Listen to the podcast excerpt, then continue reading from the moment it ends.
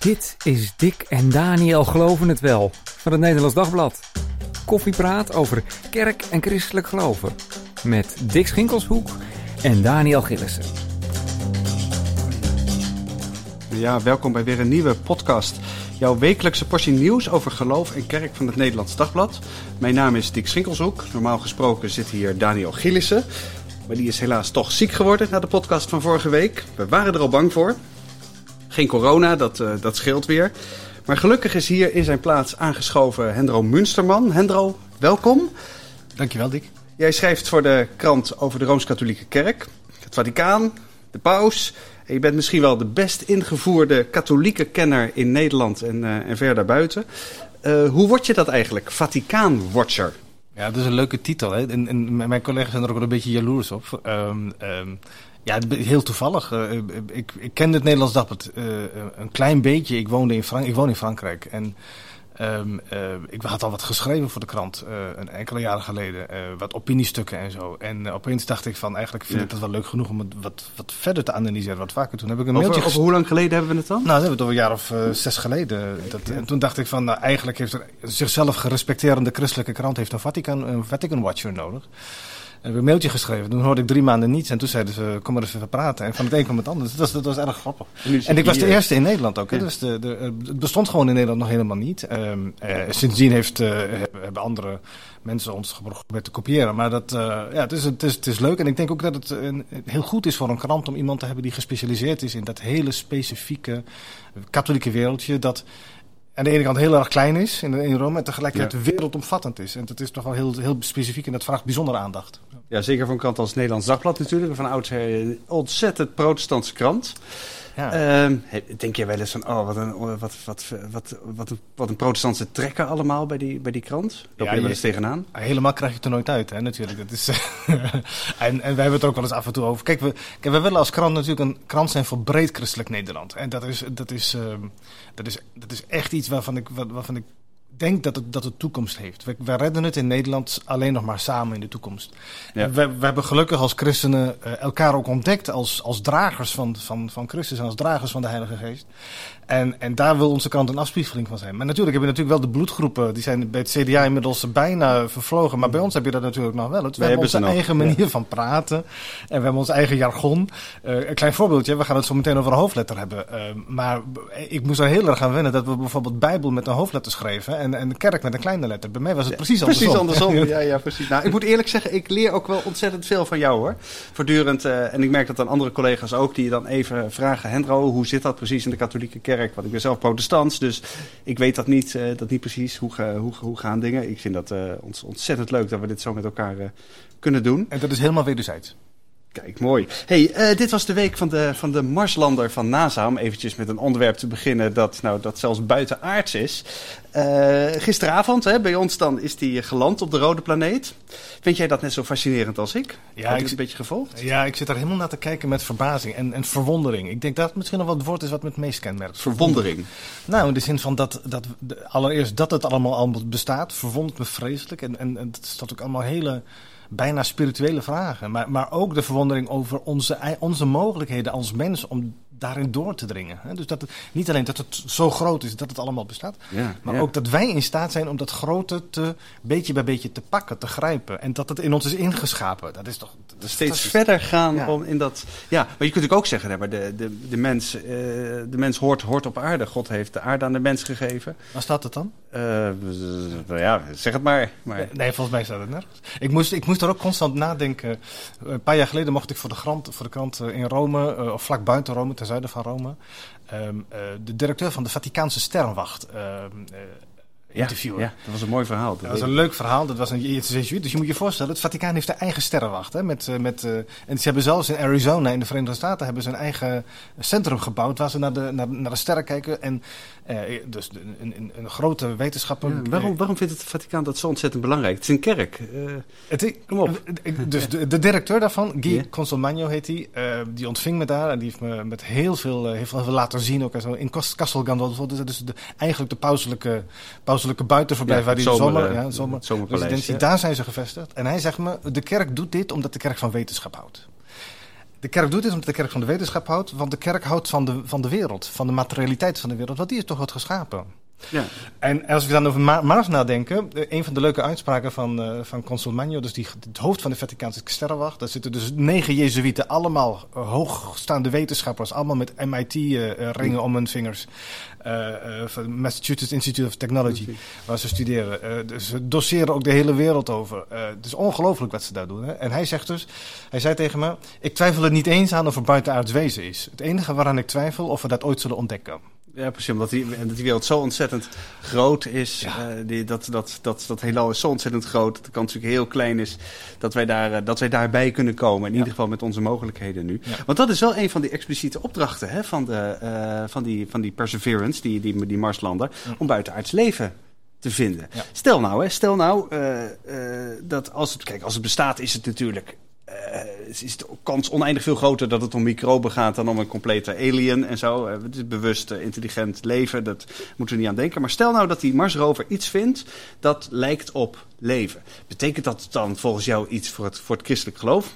Moeten, dan dingen anders gaan zien? Moet de kerkelijke leer aangepast worden? Hoe, hoe kijk je daarnaar? Mijn eerste vraag zal zijn, wat bedoelen we eigenlijk met leven? Dat hebben we helemaal niet gedefinieerd. Wat is leven eigenlijk? Ja? En wat is leven als het gaat over bewustzijn en zonder bewustzijn? Dat, is, dat, dat onderscheid vind ik toch wel heel belangrijk. Er is, er is leven met min of meer bewustzijn. Ja. Want het, uh, um, dus dat zijn allemaal vragen die we, die we filosofisch, religieus, theologisch aan het doordenken zijn. En die komen. Hè? Dus die, uh, en daar is ook in de traditie al eens over nagedacht. Er zijn als middeleeuwse theologen die hebben nagedacht over wat zou er gebeuren als we als we, als we leven buiten onze, ons, ons menselijk leven hier op aarde uh, tegen zouden komen. Nou, een van de vragen bijvoorbeeld voor christenen is, ja, hoe, uh, stel nu dat we marsmannetjes tegenkomen, die zijn... Ja, die, we, die Perseverance die, die vindt straks marsmannetjes. Stel, Ja. stel, stel. We Ja. weten inmiddels, die die kans is hebben- onnoemelijk klein, maar... En die hebben een bewustzijn dat op het onze ja, lijkt. stel. ja?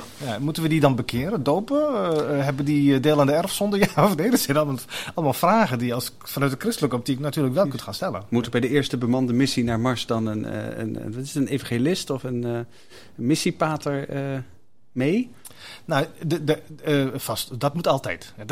dat lijkt me een voorwaarde. Nee, grapje. Um, het, uh, um, kijk, wat ik, wat ik bijzonder vind, is dat we um, tot nu toch wel heel, heel lang um, heel antropocentrisch gedacht hebben. Antropocentrisch bedoelt Ja. dus met de mens als, als middenpunt van ons denken. Hè? Ja. Um, en we zijn vergeten dat bijvoorbeeld bij Paulus ook al in de, in de Colossensebrief dat, uh, dat God niet alleen uh, Christus heeft gezonden om de, om de mensheid te redden, maar om de hele kosmos te verzoenen. Hij staat letterlijk in de, in de, Ja. in, in de tekst. Dus dat, dat kosmische denken zit in de Bijbel ingepakt. We zijn het vergeten heel lang, eeuwenlang. We hebben heel, heel lang de mens als, als uniek centrum van de hele schepping gezien. En niet alleen als centrum, maar eigenlijk waar het allemaal om, alleen maar om draaide. En we moeten, ik denk dat we terug kunnen naar dat, meer dat kosmische model. En, en daar, daar, daarvoor is deze Marslander misschien ook wel interessant. Om, wat, om onze blik wat te verruimen. God God heeft de hele wereld, de hele wereld, de hemelen en de aarde met zich willen verzoenen. Nou, dat, en, en misschien is dat, is dat Marsmannetje daar wel een leuke aanleiding toe om daarover na te denken. Om eens even over onszelf na te, Ja. na te denken. Ik merkte zelf, ik ben zelf heel erg over dit soort vragen gaan nadenken toen ik die... Het, het, het is een wat wonderlijk, uh, het zijn wat wonderlijke boeken, maar die ruimtevaarttrilogie van C.S. Lewis. Ik weet niet of je die, of je die, die, die, nee, die ik heb kent. ze niet Nee. En uh, dat is eigenlijk, dat gaat uiteindelijk ook vooral over ons. Het, Ja. het, het, je, je, kijkt naar buiten, maar het is een manier zoals bij heel veel science fiction. Natuurlijk, dit is dan christelijke science fiction. Uh, om na te denken over wie zijn wij eigenlijk en hoe staan wij in de wereld en in dit, en in dit heelal. nou, dat is nog wel eens een aanrader Ja. voor je. hey, iets heel anders. Uh, we het even over uh, de orthodoxie hebben. En als, ja, als het in de Nederlands Dagblad vaak over orthodox gaat, dan, gaat het, dan bedoelen we daar meer rechtzinnig mee dan, dan dat we die andere grote kerkfamilie zeg maar, daarmee bedoelen, de, de, de Oosters-orthodoxe kerken. Maar nu bedoelen we orthodox echt in, echt in, in, in die zin, hè, dus de, kerk van het Oosten. Dus dat de, de Rooms-Katholieke Rooms kerk. En de protestantse kerk zou je dan de kerk van het Westen kunnen, kunnen noemen. Jij had afgelopen zondag uh, had jij een interview met de patriarch. De patriarch van Constantinopel in de krant. We hebben het daar vorige week in deze podcast ook al even over gehad. Uh, maar uh, jij hebt hem gesproken of je hebt met hem gemaild. Hoe, hoe, hoe, ging dat? Ja, dat is heel ingewikkeld. Hè? Dus je moet je voorstellen dat, dat um, de, de patriarch Bartholomeus van Constantinopel is de, het, het hoofd van de, van, van de Oosterse-orthodoxe kerken. Die, dat zijn 14 of 15, ligt er hoe je telt. Orthodoxe kerken, van de Russisch-orthodoxe kerk tot de Servisch-orthodoxe kerk.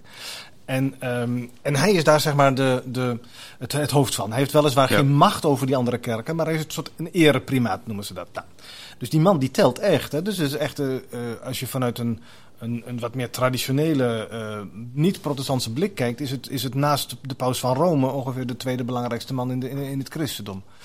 Um, dus we hebben daar contact mee gelegd met zijn, met zijn woordvoerder. Hij, zit in, natuurlijk, hij woont in Turkije, in Constantinopel, Istanbul tegenwoordig. Uh, dat ligt er ook heel gevoelig. Dus het, het aantal ja. orthodoxen daar is sterk gedrongen. Dus dat zijn er de, nog maar een paar duizend, toch? Het zijn er nog maar een paar duizend. Ja. En, en, van zijn kerk, er zijn natuurlijk wat Armeniërs, die hebben een eigen traditie weer. Dat is weer een ander soort van, van christendom. Um, dus we hebben daar met drie kranten, dus met ons uh, eigen Nederlands Dagblad en met onze Italiaanse collega's uh, van Avenir, dat is een Rooms-Katholieke krant. En er is nu ook aangesloten bij ons onze samenwerking, waar ook Lacroix van, uh, van Frankrijk bij zit. Een Deense krant, een Lutherse krant. En daar zijn we erg blij mee. Dus we zijn nu met z'n vieren. Um, en daar, daar, daar heb ik heel erg aan getrokken persoonlijk ook. En ik, ik ben er heel erg blij mee. Ik vind het ook erg mooi. Uh, dus de, de Deense krant, ik kan het niet uitspreken. Mijn Deens is echt heel erg slecht. Maar mijn collega Anders uit Kopenhagen, die heeft me dat nog een paar keer gebracht. Je moet het, je moet het gewoon niet helemaal uitspreken. Dus, de, de, de Deense woorden. Die, Deense woorden. Je, je moet je inslikken. Ja, de helft van de letters vergeet je gewoon en dan is het goed. Dus de, wij lezen Christelijk Dagblad, maar dan moet je gewoon zeggen Christelijk Dagblad. Ja, en, dan, oh ja. en dan klinkt het heel Deens. Nou goed, die hebben aangesloten, zijn aangesloten. En we hebben, ik heb namens die drie kranten die hebben meegedaan met dit interview dus uh, geprobeerd in, uh, in Istanbul binnen te komen. En het is ons gelukt dankzij een vriend van me, een Italiaanse Dominicaan die in Istanbul woont. En die ik al heel lang ken en die daar contact had. Dus dan, ah, goed zeg. Zo kom je binnen en dan, um, ja, en dan, um, en dan is het een kwestie van, uh, kun je vertrouwen wekken? En heeft, heeft de, de patriarch, vindt hij het interessant om, uh, om met drie Europese kranten te spreken over ja. christelijke eenheid. En drie kranten van alle drie een andere signatuur. Dat is toch wel bijzonder hoor. Dit had echt 50 jaar geleden niet gekund. Hè? Dat wij met een katholieke krant uh, uit Italië, een Lutherse krant uit Denemarken en een gereformeerde krant uit Nederland met uh, grote ecumenische aspiraties. Uiteraard. Dat, ja. uh, dat, dat, dat konden doen. Dus dat was erg mooi. Ja. ja, en want hij reageerde vervolgens. Hij reageerde vervolgens. Heel uitgebreid geïnterviewd. Um, het is ook in de drie kranten op dezelfde zaterdag gepubliceerd. Het, heeft ook, het is door internationale pers ook overgenomen. Ja, precies. Want wat zei hij? Wat, wat, wat viel nou, erop? Een aantal dingen. een van de dingen die hij die, die, die, zei was dat hij pleitte voor een uitgebreide herdenking van het concilie van Nicea. Het concilie van Nicea, dat is dus 325 na Christus. De ja. eerste keer dat uh, kerkleiders uit de hele christenheid bij elkaar komen om een aantal, uh, uh, om een aantal belangrijke besluiten te nemen, omdat er wat we dan ketterijen noemden, ja, zijn binnen, waren binnen Er was gedoe, er waren conflicten, ruzies. Ja, interpretatie ja. over wie Christus nou eigenlijk was. En, en, en dan, ja, wie gaat dat dan beslissen? En zo, kwam een, zo werd er een conciliair model geschapen. In de zin van, nou, kerkleiders van al die verschillende kerken komen samen en we besluiten dat samen. En dat is, en dat is toch wel nog steeds een beetje de, um, het model dat in ons achterhoofd blijft hangen van eigenlijk zou het zo moeten. In ieder geval vanuit... Met z'n allen. Ja. Met z'n allen daarover besluiten en niet iedereen zijn eigen hoekje. En uh, um, 1700 jaar dus, binnenkort. Ja. ja uh, in 2025. En de patriarch roept dus sinds een paar jaar al op uh, om dat uitgebreid samen te gaan vieren. Nou, daar heeft hij opnieuw in ons interview ook op aangeduid.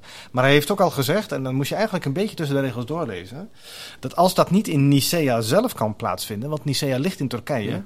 dat, wij, wij snappen dat niet hè, in Nederland. Hè, maar alle grote concilies, het hele christendom is gebaseerd op ontmoetingen, concilies en, en, en, en ontmoetingen, grote kerkelijke ontmoetingen, die hebben bijna allemaal in Turkije plaatsgevonden.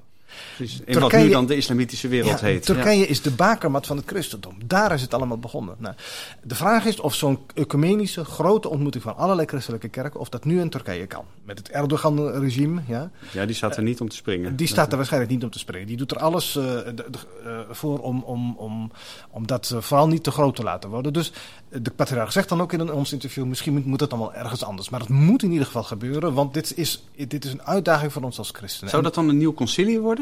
Nou, dat, dat, dat zou niet kunnen, want, want daarvoor, daartoe zijn de, um, de, de, de, de parameters, hoe zeg je dat, de voorwaarden niet geschapen. Nee. Uh, want dan is de vraag natuurlijk, wie heeft er stemrecht? Ja, precies. En wie zit ervoor? En wie zit ervoor? En, en, en, en, en wat doe je dan? Uh, maar, maar het is wel... Het is wel um, een symbolisch heel belangrijk moment om samen na te denken over ja, hoe kunnen wij nadenken gezamenlijk als christenen over onze plaats in deze wereld. Ja. In deze mondiaal geworden wereld in de, in de 21ste eeuw. En dat is ook bijzonder van het interview. Hè. Dus hij zegt van ehm, het christendom heeft ecumene nodig. Het christendom heeft dialoog nodig. Eh, want als dat niet gebeurt, dan sluiten we ons in onszelf op. En dan zijn, Ja. we, niet, dan zijn we niet trouwen wat Christus eigenlijk wilde. Namelijk naar buiten. We moeten met elkaar blijven praten. Ja. Nu heeft die eh, patriarch heeft ook in eigen huis, zogezegd, al het nodige te, eh, te stellen Ja. met verdeeldheid. Want eh, er is een schisma. Ja, dat is leuk, want ehm, ehm, dat was een van de vragen die ik hem stelde ook. Hè? Dus ehm, is er een schisma in de orthodoxe kerk? een schisma even voor de, voor de Ja, duidelijkheid. Een, een kerkscheiding. Er zijn troubles binnen de, Rooms, binnen de orthodoxe kerk. Ehm, eh, die dus bestaat uit 14, 15 verschillende deelkerken. De- de- de- precies daar ligt de vraag. Zijn het er nou 14 of zijn het er 15? Want de patriarch van Moskou, waar het overgrote deel van de orthodoxe zeg maar, toe behoort, ehm, zegt dat er 14 kerken zijn. En Constantinopel, het eigenlijke hoofd, maar zonder macht van de, van de orthodoxe kerk, die zegt het zijn er 15. Want Constantinopel heeft de Oekraïne erkend als onafhankelijke kerk. En dus als afgescheiden van Moskou. Nou, daar liggen dan ook allemaal weer politieke spanningen. Precies, dat vinden de Russen niet leuk. Die, die Eh, waren woest. En die hebben dus de Eucharistische gemeenschap opgezegd. En dan moet je je voorstellen dat binnen de orthodoxe theologie werkt het dus zo. Je bent, je bent als kerk één als je in Eucharistische gemeenschap bent. Als je samen aan de tafel van de Heer je kunt samen vieren. Ja. En als je dat dan doet, dan wordt dus ook tijdens de Eucharistie worden de namen van al die andere patriarchen waar we mee in, in gemeenschap zijn, als Moskou, die worden allemaal genoemd. En Bartholomeus wordt dus in, in de Russisch-Orthodoxe Kerk nu niet meer genoemd. Er is dus een soort opzegging, eenzijdige opzegging van de, van de Eucharistische gemeenschap. En toch zegt ehm eh, Bartholomeus tegen ons als eh, drie kranten: eh, er is geen schisma, want over de leer zijn we het nog eens. Nou, Ja. heikel punt. Het is er wel, het is er niet. De Russen zeggen van wel, ja. De Russen zeggen van wel en, de, en Constantinopel zegt van niet. ja. Over, want jij, jij spreekt komende week, spreek jij weer een, eh, een orthodoxe priester. Ja, Eh, dat gaan we niet iedere week doen, maar dit, dit komt nu toevallig zo uit. Maar dit is een ontzettend bijzondere man. dit is een in heel mooi Amsterdam verhaal. tegen. Ja, dat is een heel mooi verhaal. Ehm, ehm, de- de- dat is een Alba- van oorsprong Albanese eh, man, 46 jaar. ehm, eh, dus afkomstig uit Albanië. groeide op onder het communisme. Zijn moeder was moslim, zijn vader was orthodox, maar beide deden nergens aan. En hij raakt via de Bijbel eigenlijk eh, helemaal in de band van Jezus en, eh, en van, vooral van het Matthäus-evangelie. En hij is nu pastoor, of priester, in de, in de Russisch-Orthodoxe kerk in Amsterdam.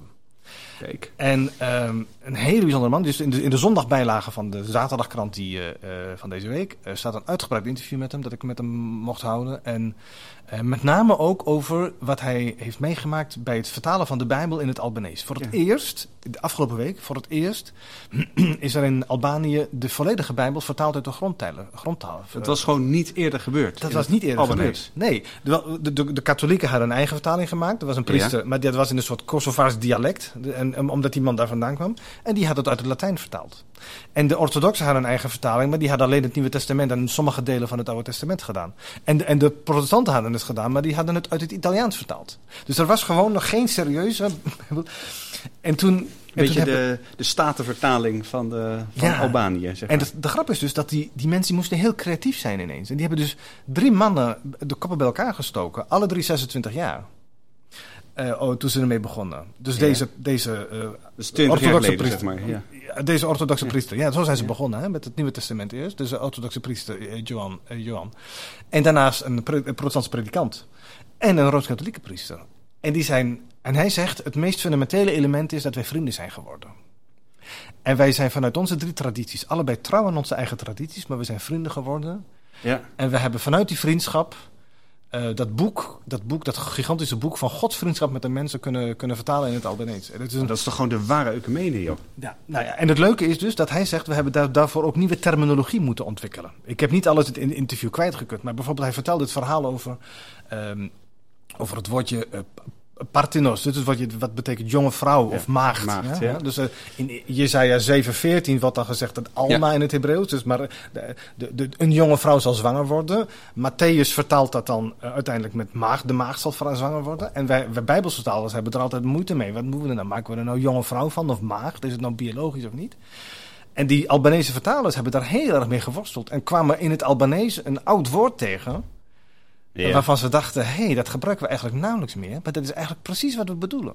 Dus er wordt nieuwe theologische taal ontwikkeld. En hij zegt, en het leuke is dat de Albanese theologie die nu aan het ontstaan is, gaat taal gebruiken die wij bedacht hebben.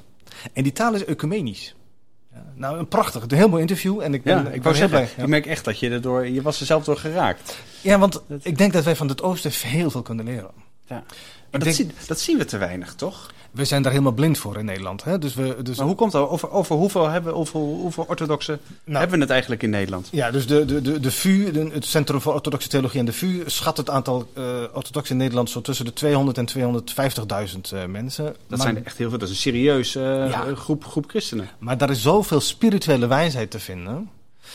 dat ik denk dat we daar nog wel eens als, als westerse christenen heel, erg hard mee in contact moeten komen. Omdat we daar op existentieel niveau heel erg van, veel van kunnen leren. Ja. Eh, ja. Nou, dan gaan we ervoor zorgen dat we in elk geval veel orthodoxe christenen in de krant krijgen. En dan even nog, nogmaals voor de duidelijkheid, orthodox dus niet in de zin van rechtzinnig tegenover vrijzinnig, maar orthodox, die, gro- die andere grote christelijke familie, zeg maar, van de, van de Oosters-orthodoxe kerken. Nou, Ja. daar gaan we, gaan we veel over schrijven en daar ga je veel eh, over lezen bij ons eh, Ja. in de krant. Ja, waar we het ook veel over hebben is, eh, is, eh, is eh, de zaken rond gender. Zaken rond Ja, vrouwen, man, mannen. oh, Dus heb- de- mijn analyse van vorige week was, ging ook over de vraag van... kunnen vrouwen eigenlijk meedoen aan het leergezag in de Rooms-Katholieke Kerk? Ja, ja. De analyse van deze week ga jij in op... ehm, ja, hoe moeten we eigenlijk over God spreken? En, en moeten, spreken wij niet veel te mannelijk over God? Wat, wat is er aan de hand? Kun je nog iets zeggen? Ja, daar hadden we het, eh, hebben we het vorige week in deze podcast ook al even over gehad. Hè? De, eh, als je het over God hebt en je zegt hij, dat is natuurlijk een mannelijke, eh, een mannelijk woord. De nieuwe Bijbelvertaling in zijn revisie gebruikt daar een hoofdletter voor. Dat deed de nieuwe Bijbelvertaling in 2004 niet. En nu, zijn, nu is de, de Ecumenische Vrouwensynode is daar boos over, want die zegt op die manier door die hoofdletter weer in te voeren, eh, sacraliseer je, je verheerlijkt op een bepaalde manier dat, dat mannelijke beeld. Dus je, je verheerlijkt het mannelijke. Je maakt van God weer nog weer extra een soort superman. En daar moeten we nou juist van af, want daar is er ontzettend veel mee, eh, mee misgegaan. En daar vind jij iets van, toch? Ja, ik, ik vind daar zeker iets van. Ik, eh, kijk, er is ehm, die pijn, laten we het daar gewoon even gewoon bij zitten. We zitten hier twee, twee witte mannen eh, hier eh, tegenover, me- tegenover elkaar. Eh, er is echt, we hebben als, als, als, als mannen denk ik ontzettend veel fout gedaan tegenover vrouwen in de, in de, laten we zeggen de afgelopen 2000 jaar christendom. Laten we ons daar dan even toe, toe beperken.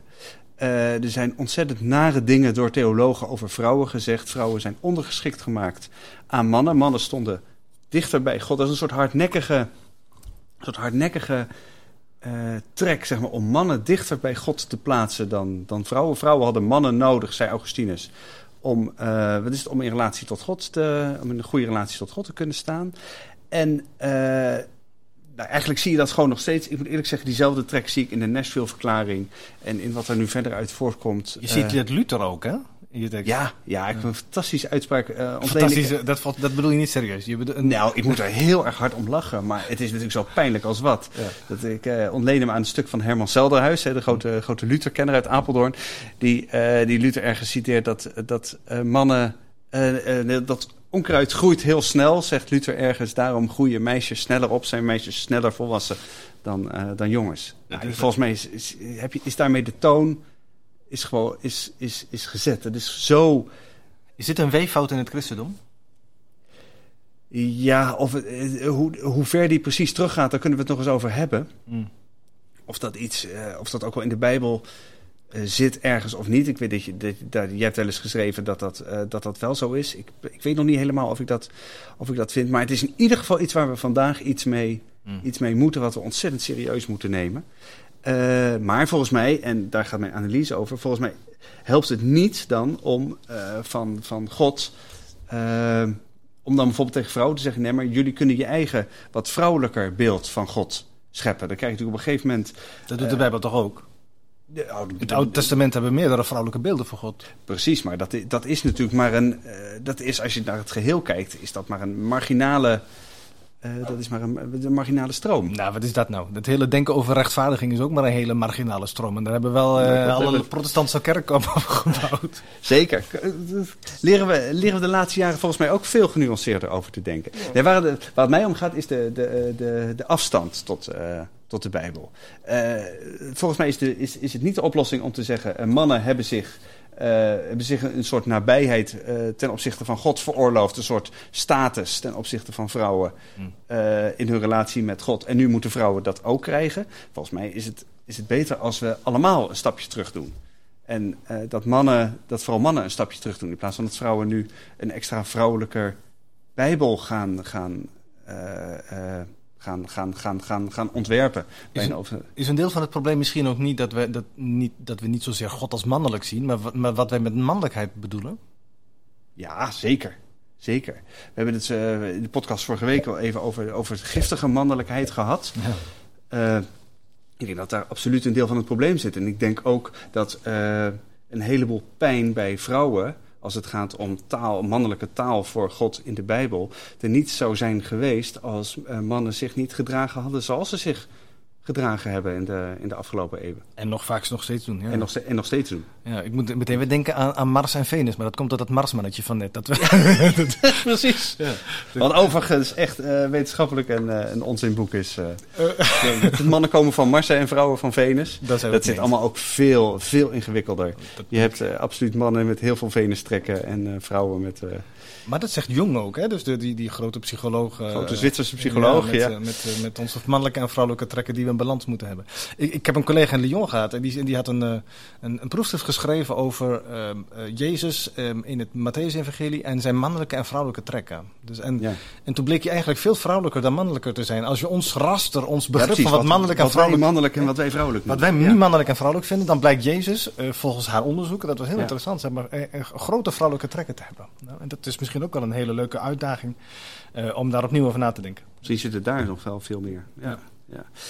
Hey, het was afgelopen woensdag als woensdag. Hè? Ik dacht, wil ik het nog even met jou over hebben. Uh, als, als katholiek. Uh, mm. Was jij normaal gesproken uh, gewend om een askruisje te gaan halen? Ja, ja natuurlijk. Mijn hoofd, ja? mijn hoofd wordt dan bekruist met een met, met wijwater besprenkelde as. Die dan goed blijft zitten. En dan, ja. ja. Wat doe je daar dan mee vervolgens? Je gaat, uh... Ja, de 40 dagen niet douchen. Hè? Nee, dat is een grapje. uh, dat hoop ik toch oprecht niet. nee, kijk, uh, kijk dat, dat dat, zo'n dat hoort bij dat hele rituele denken binnen de, binnen de... Het is geen sacrament. Nee. Het is niet iets waarvan, waar ons hel van afhankelijk is, ook niet.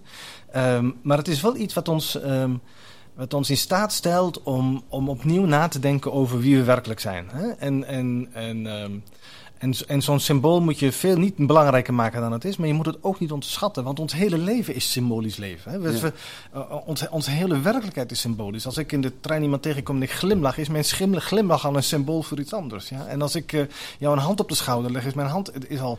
Dus wij, wij leven in sacramentele werkelijkheden. Nou, zo'n askruisje is, is, maakt daar deel van uit. En, en, wat, en wat, zegt, wat zegt dat dan, dat askruisje?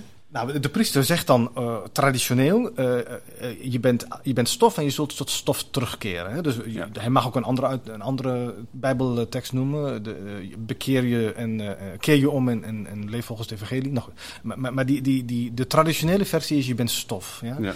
En, wij, en wij katholieken, Nederlandse katholieken, die toch een beetje een slag van de Calvinistische molen hebben meegekregen, denken dan: oh, dit, we zijn slof, stof en we zijn maar stof. En we denken: hé, en dat, dat dan dat, dat zondig en schuldig. De zondig en schuldig. En, en niks. Dat, ja. En, um, maar ik schreef, ik schreef een, een, een soort meditatie op mijn uh, Facebookpagina onlangs. Uh, afgelopen woensdag. Um, omdat ik denk dat stof ook veel meer is dan dat. Hè? Want wat, wat stof is, wij zijn niet alleen maar stof. We zijn ook genezen, geheeld, geliefd stof. Ja? En um, die hele schepping die wij zijn, waar wij deel van uitmaken, die Godschepping is, God heeft zich, hoe zou ik dat nou zeggen? God heeft zich met die schepping ingelaten door zelf stof te worden. Precies, ja. ja. En dat is toch het centrum van het, van het christelijk denken. Het, centrum, het hele centrum van het christelijk denken is incarnatorisch, om het zo te zeggen. Om, is die incarnatie, die menswording, ja. die menswording, carne is vlees hè, in, het, ja. in het Latijn. Hè. Dus, dus uh, die menswording van Christus, God wordt ik schreef toen, uh, de schepper wordt, maakt van zichzelf een schepsel. Ja, hij wordt, en, hij wordt stof dus, met ons. Hij wordt stof met ons. En dat ja. stof dat we zijn, dat is, dat is stof dat is stof dat verheerlijkt gaat worden. Dat, dat, dat al verzoend is, genezen is, Ja. gered is. We zitten niet voor niks 40 dagen voor Pasen. En dat is het mooie, want wat er Ja. met Aswoensdag gebeurt... en die herinnering dat wij natuurlijk maar aanmodderende mensen zijn... met al onze beperkingen en met al onze fouten en zo... maar dat perspectief van Pasen zit daar al in. En we, en we, we zijn, naar een, we zijn onderweg naar een, ehm, naar een nieuwe schepping... waar we nu al deel van uitmaken. Ja? En, dat, en dat lijkt me, dat lijkt me eh, ook het centrum Ja. van het christelijk geloof. Als we het dan hebben over de nieuwe schepping waar we al deel van uitmaken. Ik, ik zag dat jij eh, bezig bent met, een, met iets eh, rond een, een nieuwe kerk in de Verenigde, in de Verenigde Staten. Of een nieuwe kerk. En je is al zo nieuw, maar dat die al bijna opgegeven gaat worden. En, en Ja, ja, over nog Dit is echt, dit is van een, van een, van een diepgang, nou ja. echt, eh, wat mij betreft kunnen we beter afsluiten met een, met een goed verhaal over, eh, over het askruisje en aswoensdag en onze eigen sterfelijkheid dan, eh, dan dit. Maar het is te leuk om even niet te, ja, te wat- noemen. Waar gaat het over? Ja, het gaat over zijn voormalige medewerker van Google, Anthony Lewandowski. Ja. Die is in 2015 een speciale kerk begonnen, een eigen geloof, een eigen religie, The Way of the Future, waarin hij niet God, nou, volgens christelijk geloof of vol- volgens wat voor geloof dan ook aanbidt, maar de God, eh, de God van de kunstmatige intelligentie. Dus even plat gezegd van de robots van de toekomst. Die zelfstandig kunnen nadenken zonder, zonder ons. Dat is een God, zegt hij, die nog moet komen. Dat is het enige geloof, zei hij. Het is maar zeer de vraag hoe serieus het allemaal is. Hoe groot het allemaal is. Het is zeker in, eh, in die, eh, in die tech-wereld in, in, in, Amerika had het, eh, had het een stel aanhangers. Eh, en die, en die, die, die God die op ons afkomt, zeg maar, die kunnen wij nu alvast vereren. Het is een soort, ja, een soort robotdevotie. Dus het is een, een door de mens geschapen God. Ja, precies. Hij, eh, ze hebben het zelfs op hun website over de, de gifted child. Dus het is het ons getalenteerde kind dat wij, eh, nou ja, dat wij zelf verwekt hebben en opgevoed hebben en, en, en, en, en gemaakt hebben. En dat, wordt, nou, dat is de eigenlijke God, zeg maar. Daar gaat het naartoe. En Vanuit, vanuit christelijk perspectief is dat net de omgekeerde wereld, hè? dat lijkt me wel, ja. Ja, ja, ja. Eh, eh, Je zegt al, het is misschien niet helemaal zo serieus. En toch zijn het ook weer uitdagende vragen over... Ja, want wat doen we met kunstmatige intelligentie? En dan gaat het uiteindelijk misschien ook weer over marsmannetjes. Ja, want, want dit stemt ons toch ook weer tot nadenken over wie we zijn, wat Precies. we willen zijn. Wat het betekent om mens te zijn, wat, nou ja, waar het naartoe gaat. Dus die vragen van kunstmatige intelligentie zijn ook heel belangrijk voor het geloof, denk ik. Maar deze kerk houdt er in elk geval eh, mee op. En ik denk niet dat de wereld daar, eh, daar, iets, mee, eh, daar iets mee verliest. Nee, laat maar gewoon zo houden. Laat maar doen. Ja. hey, dankjewel eh Hendro dat je hierbij was eh, vandaag. Ehm, en ook eh, de luisteraars, eh, ontzettend bedankt voor het luisteren. Eh, laat gewoon even weten wat je van deze podcast vindt. Eh, superleuk, stellen we ontzettend op prijs. Dat kun je te doen, doen door eh, te delen op sociale media natuurlijk. Of stuur Daniel en mij gewoon even een mailtje via geloof.nd.nl. En we groeten Daniel. Ja, zeker. Daniel, vanuit hier eh, heel veel beterschap en hopelijk ben je er snel weer bij. Volgende week zijn we er niet, want dan is het voorjaarsvakantie. Maar daarna zie je ons snel weer terug. Dankjewel, doeg!